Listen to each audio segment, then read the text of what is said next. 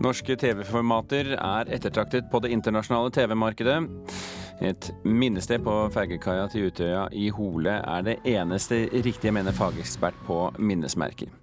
Og Miljøpartiet De Grønne kommer med fire tiltak mot spredning av falske nyheter. Resten av partiet på på Stortinget er skeptiske. Dette er noen av sakene i uh, Kulturnytt i dag, hvor vi også skal snakke om den nye dokumentarfilmen 'Islamisten'. Denne uken er TV-bransjen samlet i Cannes for å kjøpe og selge TV-programmer. De siste årene har over 20 norskutviklede TV-konsepter blitt eksportert til utlandet. Det viser tall fra norske produksjonsselskaper og TV-kanaler. Og interessen den er kraftig økende, ifølge salgsagent. Det har utviklet seg ganske eksplosivt. Det sier administrerende direktør Espen Huseby i Nordic World, som selger program og programformat for bl.a. norsk og dansk TV 2, NRK og svensk TV4. Han ser en økende interesse for norske format. Det, det, som kanskje er det som er utslagsgivende her, er at eh, de som sitter og utvikler, tenker mer internasjonalt når de utvikler. Og utvikler, utvikler ikke bare for den norske kanalen, eh, men også tenker to og tre skritt videre. Tjena mors og velkommen til Never Ever Try This At Home. Herzlich willkommen zur ersten Folge von Nicht Nachmachen. Kort sagt, det blir dumt og farlig. Her ikke dette hjemme. Program som ikke gjør dette hjemme, Farmen og 71 grader nord, er eksempel på programformat som har fått et liv utenfor landegrensene. Tall fra norske TV-kanaler og produksjonsselskap viser at norskutvikla format blir vist i bl.a. England, USA, Australia, Tyskland og Nederland. Da spiller vi Hva feiler det deg? Flere av de største norske eksportsuksessene er såkalla faktaunderholdning. Grunnen til det er at konkurransen innen klassisk underholdning er beinhard, sier utviklingssjef i NRK, Ole Hedemann. Hvis man prøver å, å, å, å lage en ny quiz som bare er litt forskjellig fra alle de hundrevis, tusenvis kanskje av quizene som finnes der ute, så er det veldig vanskelig å nå opp i den konkurransen. Samme gjelder liksom sjanger, liksom gameshow og stor studiobasert underholdning. Det er liksom vanskelig å stå ut. Mens med en original vri innenfor det som ofte kalles factual entertainment, så står det kanskje bedre ut. Jeg tror nok det er der at det nordiske i alminnelighet når lengst ut. Men det er mulig å hevde seg i underholdningssjangeren også for Norge. The Stream is a brand new musical talent show that reflects how the music industry works today. I fjor ble det kjent at talentprogrammet The Stream, som er utvikla av Monster sammen med TV 2, er solgt til amerikanske NBC, og skal etter planen på lufta til neste år. Formatmanager Eva Marie Uddu i Monster sier de er spente på hvordan den amerikanske versjonen blir. Det er jo rett og slett historisk at vi klarer å få på et norskutvikla underholdningskonsept på selveste NBC. Uh, vi er jo involvert, men vi er også veldig spent på hvordan de vil sette sitt preg på formatet. Uh, det er jo litt andre forhold der. Det er jo noen sånne høvdinger som sitter på toppen, og som har gjort alt fra The Voice og masse andre konsepter som skal ta vårt uh, relativt lille format her ut til det store markedet. Eh, så vi er kjempespent på å se hvordan det blir. Og mm, ja, det er veldig mye spenning knytta til det. Men selv om det er flere norskutvikla format som nå får et liv utenfor landegrensene, så er det vanskelig å bli rik, sier Uddu. I utgangspunktet så ligger det jo mye penger i det hvis eh, du klarer å komme opp med en idé som eh, har potensial til å gå mange år i mange land. Da kan du tjene ganske rik. Men det er jo vanskelig. Det er jo veldig høye krav til ideen for at den skal klare å nå ut i de store markedene. Så um, det er klart, hvis du får til det, så er det masse penger i det. Men, men da skal ideen være sterk, og den skal være egnet for mange land i mange sesonger. Reporter i denne saken, det var Espen Alnes. I kveld inviterer Statsbygg til et åpent møte om planene for et nasjonalt minnested på Utøya-kaia. Fergekaia var sentral under angrepet mot øya og i forbindelse med redningsaksjonen. Fagekspert på minnesteder Tor Einar Fageland mener det er riktig å plassere det nasjonale minnestedet nettopp på fergekaia.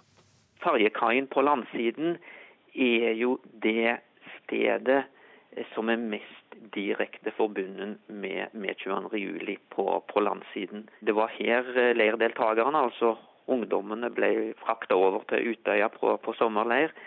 Eh, det var her Gro Harlem Brundtland dro fram og tilbake samme dag eh, på formiddagen. Det var hun som var et av hovedmålene.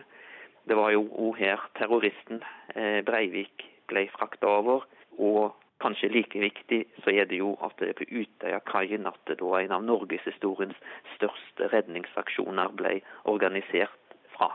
Forteller Tor Einar Fageland, som var prosjektleder for 22. juli-senteret i Oslo og sentral under utarbeidelsen av hvordan Utøya skulle bygges opp igjen, både som et leirsted og som et minnested etter angrepene for fem og et halvt år siden.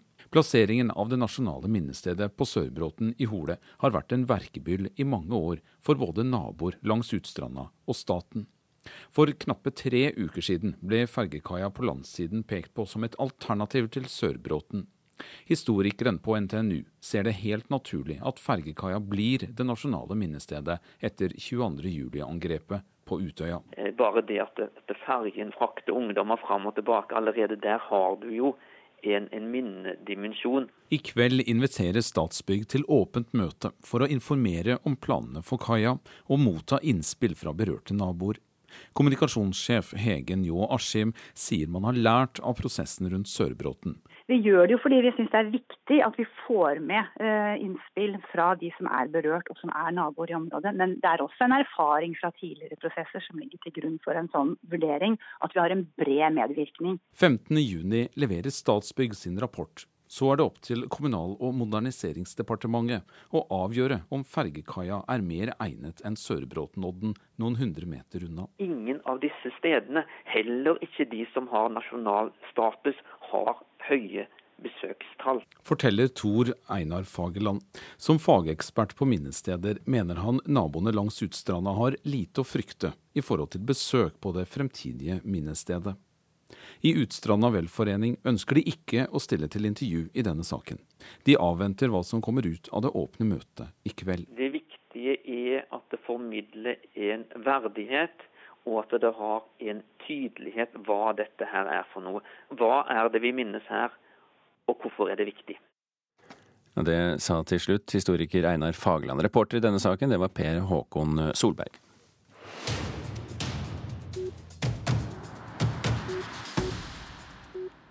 I kveld sender NRK den nye dokumentarfilmen til filmskaper Ulrik Imtias Rolfsen og journalisten Adil Khan Farouk. Filmen handler om den kjente norske islamisten Ubaydullah Hussein, og viser hvordan han rekrutterer unge menn til å reise til Syria. Islam handler om kjærlighet mellom hverandre. Brorskap mellom hverandre. Og det er svært viktig at vi har samhold jeg tror også det er mye av dette her som tiltrekker eh, andre til å oppsøke oss og komme til oss.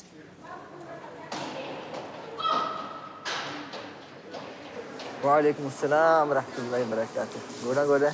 Alt dere? Alt dere? Dere er ute og farter? Bra. Pass på dere selv, da. Du støtter islam? Mashallah. Du hørte hva han sa? Det er fremtiden vår. Det sa Ubaydullah Hussain. Velkommen til Kulturnytt, Ulrik Imtias Rolfsen og Adil Khan Farouk. Takk. Takk. Eh, Farouk, eh, det er veldig lett å få sympati med både Hussein og vennene hans, i hvert fall i begynnelsen av eh, filmen. Det overrasket meg litt, må jeg si. Uh, Vel, det har vel eh, vi, da, da jeg kontakta Obaidullah Hussein, så det som slo meg, var hvor like vi var, egentlig. Eh, altså vår bakgrunn. Eh, vi har begge foreldre fra Pakistan. Eh, vi er født og oppvokst i Norge begge to. Han er noen år eldre enn meg. Eh, vi er for, fra hver vår kant i, i, byen. Men samtidig så var det veldig viktig for meg å vise hvor menneskelig han er, da. Eh, og jeg tror man jeg tror man glemmer de tingene når man først leser om han i media. At, eh, at han faktisk at det er et menneske eh, med følelser, med tanker, eh, og, og som, som, man, som, ikke helt kommer frem. Og det var liksom veldig viktig for, for meg og Ulrik at, eh, at, vi ville få frem mennesket Ubaydullah, ikke nødvendigvis monstre som alle er så opptatt av å uh, få frem. Likevel, Rolfsen, så, så ligger det jo et, og det kommer jo frem i filmen etter hvert, ganske farlig hat under her? Ja, det er, det er, mye hat, og det er mye, mye liksom, aggresjon mot, mot, Vesten. Eh, men det slo meg også at eh, det er mye varme mellom dem, og det, det overrasket eh, meg også. Men det er mange som har reagert på den måten. Og jøss, man liker jo Ubadullah litt. Mm. Og, og, det sier litt om, om det monsterstempelet han har fått, da. Og jeg tror at hvis vi skal som samfunn takle disse utfordringene, så må vi kjenne menneskene. Ikke nødvendigvis eh, være enig med dem, men behandle det som mennesker. Da kan vi få en dialog. Hvis vi behandler det som monstre, så er det vanskelig å løse noe. Samtidig så er det jo slik at PST, eh, som den historien kjenner vi jo, ikke sant? at PST gikk inn eh, og tok beslag i dette videomaterialet deres. Um, så, så det, er jo, det, det er jo noe eh, kraftfullt i eh, den hyggen her, da. Det er ganske tydelig at PST hadde nok beviser på egen hånd og ikke trengte filmen, når vi ser domsutfallet mot Ubadullah i går.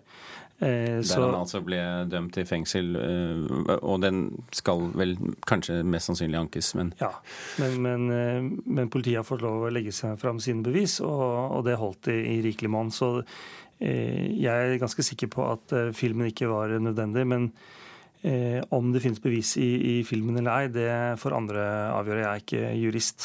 Mm.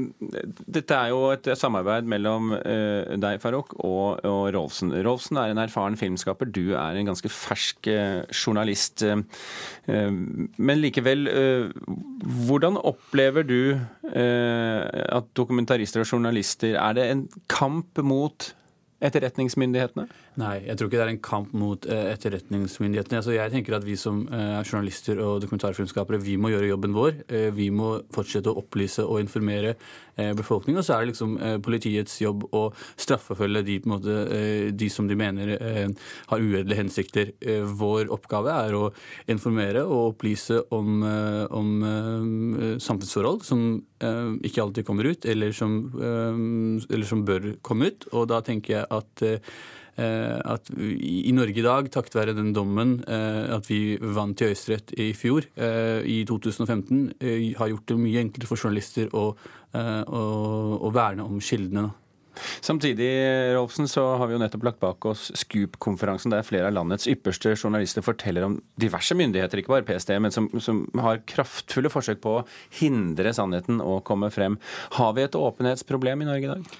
Ja, vi har et åpenhetsproblem, og vi har et uh, problem med, varslere. At de ikke har uh, noe, noe sterkt uh, vern. Og vi har en, en, en, kildevernslov som er veldig svak, som forhåpentligvis blir endret på. lovteksten er fremdeles like svak som den var før PST gikk inn hos meg. men Høyesterett har på en måte rettet på presedensen der. Det er ikke god kutyme i Norge å varsle. Det er ikke god kutyme i Norge å si noe galt om, eh, om myndighetene. Og myndighetene har vist seg eh, sterke, og de ønsker å kontrollere mediene. Farouk, eh, ditt første prosjekt, dette her så vidt meg bekjent. Hva syns du at du har lært? Um, ingenting. Nei da. Jeg har lært veldig mye. Dette er ikke mitt første prosjekt. Jeg har uh, jobba uh, før dette. Jeg jobba i Dagbladet og som researcher i Brennpunkt, dette er min første film som regissør. Det var det jeg tenkte på. Uh, jeg syns jo at har lært veldig mye om uh, mennesket Ubaydullah. Jeg har lært veldig mye om hva disse menneskene står for. Hvordan ideologien deres, altså hva, uh, hvordan det starta, uh, og, og, den varmen da, som Ulrik snakket om. At det er, det er utrolig spennende å, være med på den, ha vært med på den reisen som viser hvor, hvor faktisk normale de også kan være. Tusen eh, hjertelig takk, eh, Ulrik Imtias Rolfsen og Adil Kanfarok, for at dere var med. Og filmen eh, sendes altså på NRK1 i dag 10 eller 15 over 10 over 10. Vi slutter oss til det. Klokken er eh, passert 17 minutter over åtte. Du hører på Kulturnytt, og dette er toppsaken i Nyhetsmorgen nå. Barbarisk, sier USAs utenriksminister Rex Tillerson om gassangrepet i Idlib, Syria. Han krever at Syrias president Bashar al-Assad må holdes ansvarlig. Eksperter på arbeidsmarkedet advarer mot skjult arbeidsledighet. I eh, vanskelige tider gir mange opp og blir skjulte arbeidsledige. Og Jonas Gahr Støre er nå mer populær statsministerkandidat enn Erna Solberg. Det viser statsministermålingen Norstat har utført for NRK. Miljøpartiet De Grønne foreslår fire tiltak for å stanse spredningen av falske nyheter. I flere europeiske land er det satt i gang tiltak mot dette fra myndighetenes side, og det mener MDG at Norge også bør gjøre. De vil bl.a. kreve at sider som Facebook og Google merker og rapporterer om falske nyheter, og de vil utrede om det er mulig å bøtelegge sidene som sprer falske nyheter. Vi tok en tur ut på gata for å høre hva folk mener bør gjøres. Hvordan skal man stoppe falske nyheter? Kanskje stengesiden eh, og bot. Strengere regler når det kommer til uh, pressen? At man har mange uavhengige medier? Ja, bot hadde vært greit. Det hadde egentlig vært greit. Å lære andre som leser nyhetene, hvordan man kan la være å måte, unngå falske nyheter. Da. Det er bare å undersøke grundig, det. Syns jeg. Det er bare å følge godt med? Bare følge godt, godt med, og da bruke huet. Det var reporter Daniel eh, Eriksen som hadde vært eh, ute på gata. Eivind Tredal fra Miljøpartiet De Grønne, hvorfor vil dere ha tiltak mot falske nyheter? Eh, det er jo i hovedsak fordi vi ser at dette har blitt et veldig stort problem. Det har jo litt å gjøre med at sosiale medier har blitt en av de viktigste nyhetskanalene for folk, og at det er ganske vanskelig å skille ekte og falske nyheter i nyhetsstrømmen.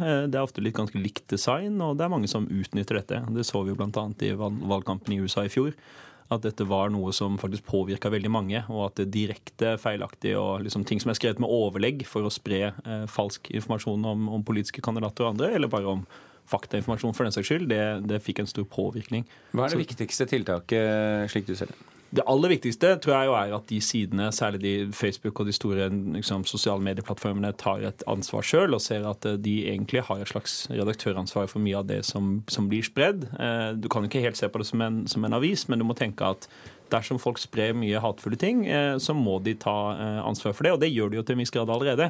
Det de ikke har klart å ta hånd om, er jo litt disse som gir seg ut for å være nyhetskanaler der trenger de nok også uh, å ta et større ansvar, mener vi. Så det er jo litt av det vi legger opp til her. Kari Elisabeth Kaski fra Sosialistisk Venstreparti. Kommer ditt parti til å stemme for tiltakene MDG foreslår her? Ikke umiddelbart, men eh, de løfter jo en viktig diskusjon om eh, omfanget av falske nyheter i offentligheten, og det må vi ta på, ta på alvor. Men vi er ikke umiddelbart med på at myndighetene skal gå inn og regulere på den måten som, som Miljøpartiet foreslår her. Vi vil nok eh, mene at du både har noen vanskelige grenseoppganger her. Um, Ytringsfriheten står sterkt i Norge, det skal det gjøre. Det er, og den gir faktisk lov å lyge. Um, samtidig som uh, det offentlige må ha en, en, sterk rolle i å forsvare den frie presse og, og styrke folk sin evne til å drive på med kildekritikk og, og skille det som er falske nyheter og, og, det som ikke er det. Så hva foreslår du at vi gjør for å bedre situasjonen og, og hindre falske nyheter og nå frem til folk? Jeg tenker det er ulike uh, måter å gjøre det her på. Nå har jo Facebook tatt initiativ til at de, man skal kunne på en måte rapportere på hva som med falske nyheter. Klikker på en knapp, og så blir det sjekka opp, og at man får når det staket blir spredd, så ser man at dette har blitt merka som falske nyheter. Så Facebook er jo i gang. Det er bra. Det er viktig at de, de, gjør det. Men så tenker jeg at i Norge, der vi har en sterk, fri og uavhengig presse, det må man fortsette å bygge opp under. Vi vil fortsette å bidra til det gjennom f.eks. pressestøtte, men at du også kan vektlegge dette mer på skolen f.eks., sånn at man lærer seg kildekritikk, sånn at man lærer seg å være kritisk til det som spres på internett. Og Det, det er jo viktig uavhengig av, av, at vi har sett denne omfanget av, av, eh, av falske nyheter. Eh, Tredal, får vi ikke et problem med å, å plukke ut noen som skal være ansvarlig for definisjonen av hva falske nyheter er?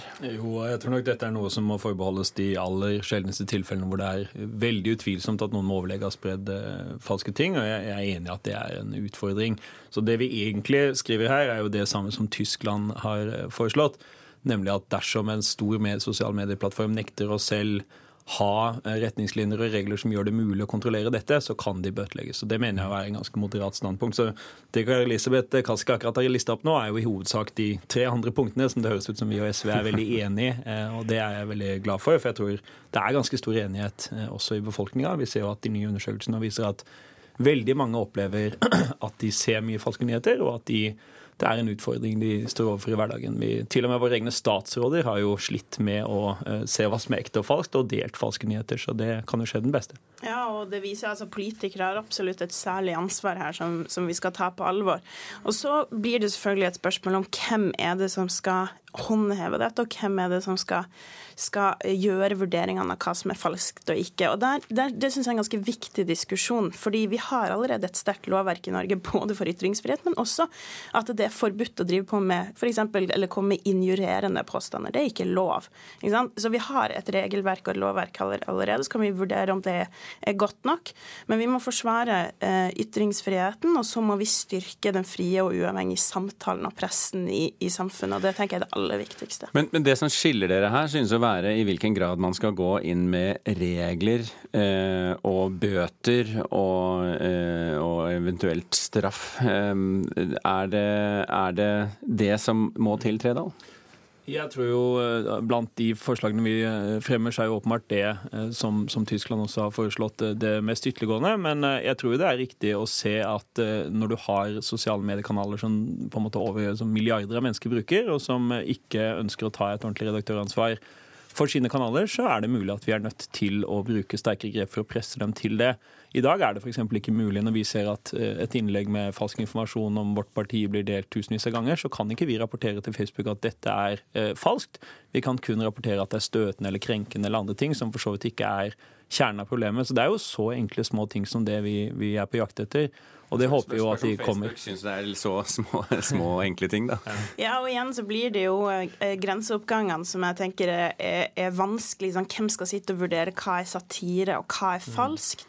Og også Eh, eh, ta f.eks. klimaendringer da, og hvorvidt eh, klimaforskninga viser at klimaendringer er menneskeskapt. Både jeg og Eivind Tredal her har jobba mye med det. Jeg mener jo at man bør spre den riktige klimaforskninga som viser at klimaendringene er menneskeskapte. Samtidig så tror jeg vil jeg fortsatt forsvare at vi har en samtale rundt det, sjøl om den overveldende delen av, av forskninga viser at klimaendringene er menneskeskapt. Og det er nettopp altså, hva slags regelverk skal myndighetene faktisk sette, og hvem som definerer de reglene. Aner meg at du kommer litt i trøbbel her, Tredal? Vi, vi ber om en utredning av dette, men det viktigste mener jeg er jo Det finnes veldig stor forskjell på løgn, og en vanlig løgn som jeg mener det må gå an å slå ned på, er denne politikeren har sagt eller gjort dette, eller denne personen mener dette, eller her er et sjokkerende sitat.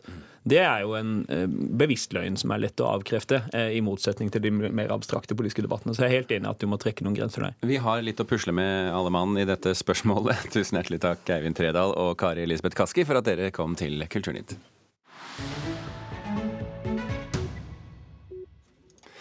Og apropos tema falske nyheter. 200 kinoer i USA satte i går kveld opp spesialvisninger av filmen 1984, basert på den dystopiske fremtidsfortellingen av George Orwell fra 1948. Boken hans har vært en bestselger siden Donald Trump ble president. Filmvisningene i går var en aksjon for å vise at det er viktig å stå sammen for ytringsfrihet, respekt for medmennesker og det faktum at det ikke finnes noen alternative fakta, slik den amerikanske presidenten hevder. Men alternative fakta, det kan det hende at vi skal begynne å snakke om eh, i de siste fire minuttene her i Kulturnytt. Den sveitsiske forfatteren Christian Kracht har nemlig gjennom flere romaner vist at han har en høyst original og på sett og vis eh, utypisk tilnærming til forfatteryrket. Temaene i romanen kretser ofte rundt totalitære systemer, identitetskrise, personlige og politiske omveltninger, og nå kommer hans bok 'De døde' på norsk, den tredje på norsk av hans fem på tysk. Og Knut Hoem, en historie der fantasi er kombinert med faktiske hendelser. Hva er det han ønsker å fortelle oppi alt dette her? Det han ønsker å fortelle, det er historien om eh, verden slik den så ut i 1933, sett fra noen høyst levende filmskapere, som var de store i sin tid eh, da. Det, og vi møter en eh, japansk diplomat som ønsker å skape en slags filmakse mellom Tokyo og Berlin. Det er de to eh, maktene som etter hans syn har et fremskrittsvennlig syn på verden, og som ønsker jo å skape fascistisk, en ny fascistisk verden. Og for å få til dette, så sender han en eh, liten filmsnutt av det ypperste Japan har å by på, nemlig eh, filmen eh, der man ser en ung japaner som begår rituelt selvmord, såkalt seppuku, også kalt harakiri, der han fører en kniv inn i mageregionen. Dette sender han til Berlin i håp om å få tilbake igjen en tysk regissør som kan lage den nye tyske japanske storfilmen. Og så kommer Chaplin inn her, og det kan man jo forstå både når det gjelder fremskrittstro og kamp mot fascisme, men eh, passer det inn? Ja, Det er hele tiden en lek mellom det virkelige og det uvirkelige hos eh, Christian Kracht. Og denne, dette besøket til Charlie Chaplin i, i, Japan, det skjedde. Og da ble også den japanske statsministeren utsatt for et attentat, som også Chaplin holdt på å stryke med i. Så, så det er eh, Krafts lek med virkeligheten. Eh, han er ikke så veldig glad for begrepet, men han kalles altså pop topplitterat i, i hjemlandet sitt. Hva er egentlig det for noe? Det som er provoserende med Christian Kracht, er jo at uh, han skildrer mye av mye fryktelige hendelser, nesten som om det var en slags tegneserie. Uh, Kracht er, buddhist, er sterkt inspirert av buddhismen og hinduismen. Og, og der, uh, i den religionen så er jo livet en lidelse. Og det eneste kunstneren kan gjøre, er å forsøke å lage noen slags kunstneriske bilder som viser fram hvordan menneskelivet er. Vi må klare å runde av på et minutt eh, her nå, Knut. Eh, jeg, sitter, jeg, jeg, ser du sitter med boken foran deg her. Det er jo en tynn liten flis, det. Vi er jo vant til så store, tykke bøker for tiden. Eh, vil du si at det er et ambisiøst prosjekt, og i så fall lykkes han? Det tar om lag 50 sider å sette seg inn i denne forfatterens snirklete setninger og uh, uvanlige verdensbilde, men alt som fins her om hvordan man skal tenke rundt det nasjonale og denne hangen til å dokumentere alt på film, alt dette er jo gjenkjennelig også i dag. Mm. Så det er et, eh, et, et eh, Vil du kalle dette en anbefaling, det du sier nå? Denne boken, altså eh, Christian Kracht er blant de kuleste klass, kattene i forfatterklassen akkurat nå. Ja, Så da sier vi ja, gå og les. 186 sider eh, med absurd historiefortelling. Eh, disse 27 minuttene er riktignok over.